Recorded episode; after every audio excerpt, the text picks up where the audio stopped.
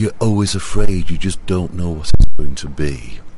And even though this is my sixth visit to South Africa, and Swan Lake's been here before, 2006. This is a new version. Pieter Toerien, my partner over here, is Tony. What can we do which is new? And I said, Well, Peter, I've got some brand new ideas for Swan Lake. Let's go and do it. And we've done it. So therefore, I'm nervous. How's the audience going to, you know, look at this show? How are they going to perceive what I've just done to it? Something which was award winning. And what you're trying to do is you're trying to make it better. So I'm nervous, really, really nervous. Doesn't matter, you know, Johannesburg, they love us to bits, and I know you love us to bits. We love you.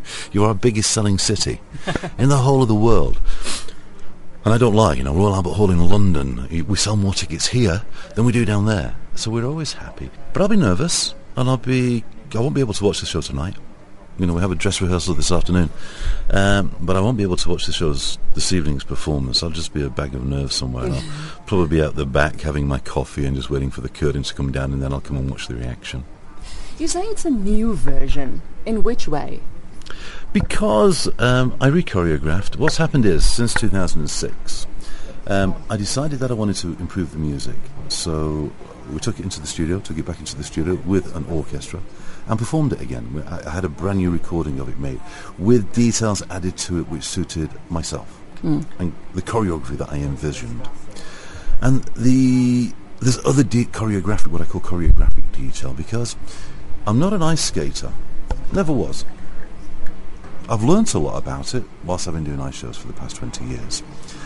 And but you learn how to choreograph and, and improve the choreography and improve the elements, what I call the elements being lifts or spins. And you start to understand what the audience like as you're traveling around the world. You start to read better what the audience or what can catch the audience. Mm. So therefore, there lies my re-choreography. There lies the new version of it. There's little tweaks to the storyboard as we go through, which give it more clarity because they can't speak, the performers. They can't sing. They have dance is their language. So for me, it's to improve for them how to express the language that they perform with. And again, the boys and girls are not from theatre. Mm, you know, mm. I, I am from theatre, and I'm able to work upon their presentation. So therefore, you spend more time looking at individual moments within it that make the storyline clearer for everybody, and it makes the dance choreography more exciting. I'm not going to tell you exactly what I've done because that gives part of the game away. but then also you. And, and, the boys and girls of the Imperial Ice Stars then start to understand the use of theatrical effects to deliver the storyline better. So I've done that. Yeah, because they come out of a competition background, and now it's theatre. Very much so. I mean, we always say uh, Imperial Ice Stars, how many, you know, boys and girls turn up to auditions and, hi, I won this, I won that. Well, you can put that in your back pocket. Well done. This is a new part of your life. Mm. And it doesn't matter that you've won that. And one of the biggest changes for them is everything before is done to a rule book. So they're contained within a rule book. And competition is you're sat in front of a group of judges. That's who you have to perform to. Whereas here you're performing cross our stage, performing to an audience. The audience become your judges. Yeah. But there's no rule book anymore. All of a sudden they're facing me, and I'm going to go, right, guys, this is what I want you to do. You have to get your brain around this. I'm not a skater. I'm not from the world of competition, and I challenge them and go, right, this is what we're going to do. And they go, what? Are you yes. mad? Exactly. But there's, it's got to be a challenge because, I mean, um, we spoke only to two of them because they can understand English and can, can speak a little bit of English. But, I mean, how do you communicate with them? I know dance is their language, but somehow you've got to tell them what to dance, do. Dance, well, what we do, one of the secrets of the show, uh, and it works really well, is we don't start work on ice we start on a theatre stage. Okay. It's one of the things that I do with everybody. Uh, and even before people come into the Imperial Ice Stars, um, we will spend time training them back in Moscow. We have our I, I, live in Moscow, okay. so our training bases are back in Moscow, and I will spend time with them, working on uh, staging elements before we get it onto the ice. Uh, thereafter, it's a lot of them speak English. Bless them. Um, over the years, I've learned to speak Russian, so communication is quite straightforward. Okay. Um, it's not as direct as we're having a conversation now, because, you know, as whilst I speak Russian, I, am not perfect at it, but we get the message across, um, and between us, we work on it. and the other important thing is with the, the Imperial Ice Stars, I'm not a dictator. You know, I'm not that type of director. I always work. We work together. We all have to enjoy it.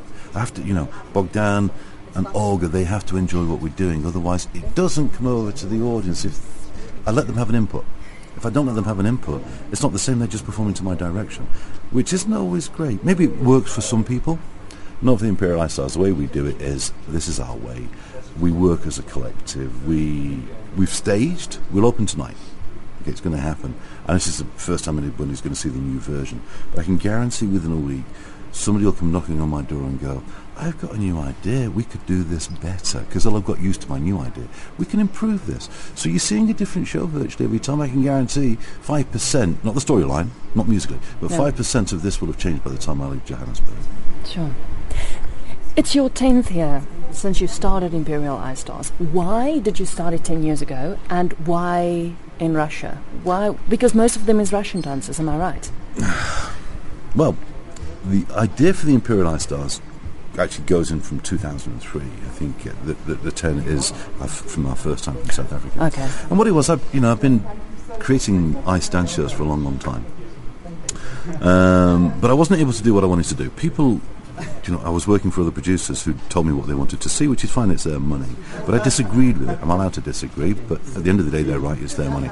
So I had to create the Imperial Ice Stars uh, because um, I wanted to get my own idea out. I wanted to get my own idea onto the stage. And at that, because I had my own vision, Yeah. so therefore, I had to go knock on my bank manager's door. And I had to go and see a very, very good friend of mine who, who believed in what I was doing. There was a boy called James Kundal and another boy called Vladimir Lenin. And they were supporters of my idea and they also kindly put their money on the table along with my bank manager. And that gave me the Imperial Ice Stars. Okay. Uh, and it's just grown and grown. We, we, we thought it was going to be something that might work for four months every year. And here we are, this 10th anniversary in South Africa, 26, 27 different countries, almost 5 million people. I, I still can never ever believe it. I still can't believe that it's happening, that it carries on. But I think that you know, the basis of the idea was that there wasn't this type of show there, mm. theatre on ice. It didn't exist. What existed with the shows in the ice arenas that you could go along and watch, which were basically designed for children. Mm. And, and my idea, having gone along to watch one of these arena shows a long, long time ago, there were heroes of mine, Torvill and Dean, and I went to watch it, and it was in a nice arena, and it was on a plastic seat, freezing cold. It wasn't, you know, and every time Chris and Jayne were at the opposite end of the ice rink, I couldn't see them. And that was what gave me the idea. And that idea was way back in 1988. But then I had to, you know, you have to develop the idea because the technology to build an ice rink on a theatre stage didn't exist. And you've then got to convince people that this idea will work.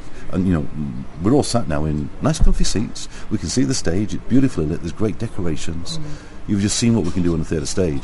But trying to get that idea over all those years ago well, it's not easy. My bank manager just went, "You're not serious."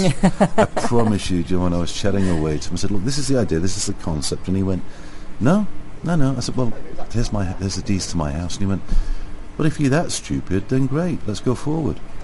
Well, I presume he's happy now. He's very, very happy because the second time we came to do it, which uh, he just said, "No, I don't need them anymore. I, you know, I've seen it. I'm, I'm a believer." Um, but it's been the journey is convincing all these different countries around the world to believe in the idea. Um, and why the Russians? oh, sorry, you, you, you asked me that point. Sorry, I ramble a lot. I do apologise. do you know they're the best ice skaters in the whole world? Um, well, they were at the time when I started to create. I have to say that because one or two other countries are catching up. South Africa are not catching up on the figure skating world, um, but they will. This is what happens. China weren't there a few years ago, but they are now. Russia were just so far in front of everybody else, technically. If you had a modicum of talent, you're four years old, five years old, right, you are put into this champion making process. Um, and their training just goes back. It's so deep, it's so long, it's so hard. But four or five years old and onwards, you are trained to become a champion. And what I love about them, and it's a really important detail, to win a bronze medal at the Olympics would be an incredible achievement. It should be an incredible achievement. Uh, if you're Russian, you just lost. Silver's, silver's nowhere, bronze is nowhere, gold. Do you know, and, and I say that, you know, there's, there's incredible scandal at the moment going around the world about doping, and the Russians are mm, sorry, not true, totally true. You know, they shouldn't really be picking them because I know. I mean, I've never seen it, and I'm around figure skating a lot, and I have a lot of friends that are gymnasts and so on and so forth. And sorry, it's not there.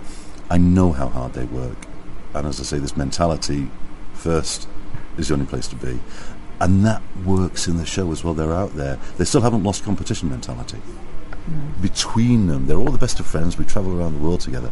But there's always competition. They're at the sides of the stage, watching what's taking place, watching what each person's doing. I'm like, okay, I'm going to do better tonight because they're still looking for that perfect six. It's it, it's funny, but yeah. it, it works in the show. Getting back to Swan Lake, we've seen Cinderella, we've seen Sleeping Beauty, Nutcracker. It's well-known stories. Is Swan Lake also as well-known or not? Is it a misperception that people don't really know the story?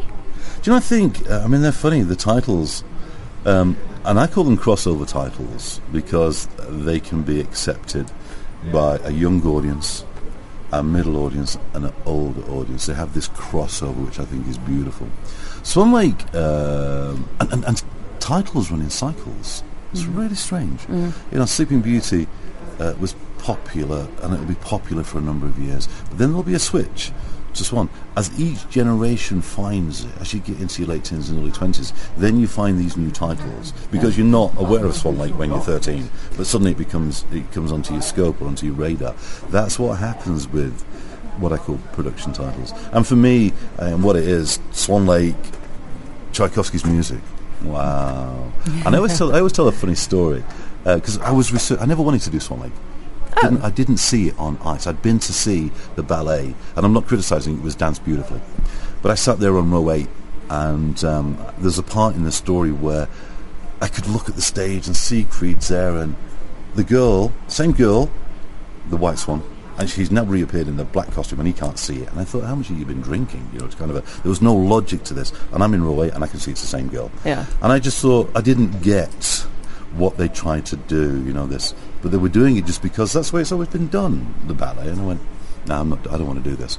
And until James said to me, Tony, write your own storyboard. And I went away and wrote my own storyboard. So now my story has an Odette and a deal. They're played by different characters. And I make Siegfried responsible for everything inside of the show. You know, really important detail. And if you come to watch it, you'll see. Yeah. Uh, like the other detail, you know, is should it be a happy ending? Should it be a sad ending? Who changed it? I know what Tchaikovsky wanted that's uh, that's what I do. But while I was investigating, Tchaikovsky's house is just outside Moscow, where he used to live. Yeah. And I popped along. It's, it's now a museum, but I went to visit the house. I was doing all my research work on the music and storyline, etc., etc. And I got to his house, and his piano's still there. It's still there. They've moved it, but they put it in a nice place. But the piano's still there, slightly out of tune. But and it's by a window. Okay, so his house is in the country, by a window, and you look out the window in the winter of Moscow, what do you see? What do we have? Frozen water, lake. And, and it just came as one of those stupid things where I, because I'd always loved the music of Swan Lake. And I just had this picture where you kind of go, I could see him sitting there playing some of these pieces of music, watching the ice skaters out on the lake. It's a fantasy of mine, but I believe that might have happened. but certainly when you get to the swan sequences, uh-huh. when you get to that particular music, sorry, he wrote this for ice skating. That's my belief. I, I, and when you come and watch the show and you see it, and the sequence, that particular sequence, I just I adore it with that piece of music, and and it, you know, and I'll make you believe swans can fly. You just you know you've just looked whilst we've been doing this little media call. You've seen what we can do, you know, and I just think his music just suits it gloriously. I think he wrote it for me. he knew I was coming along later.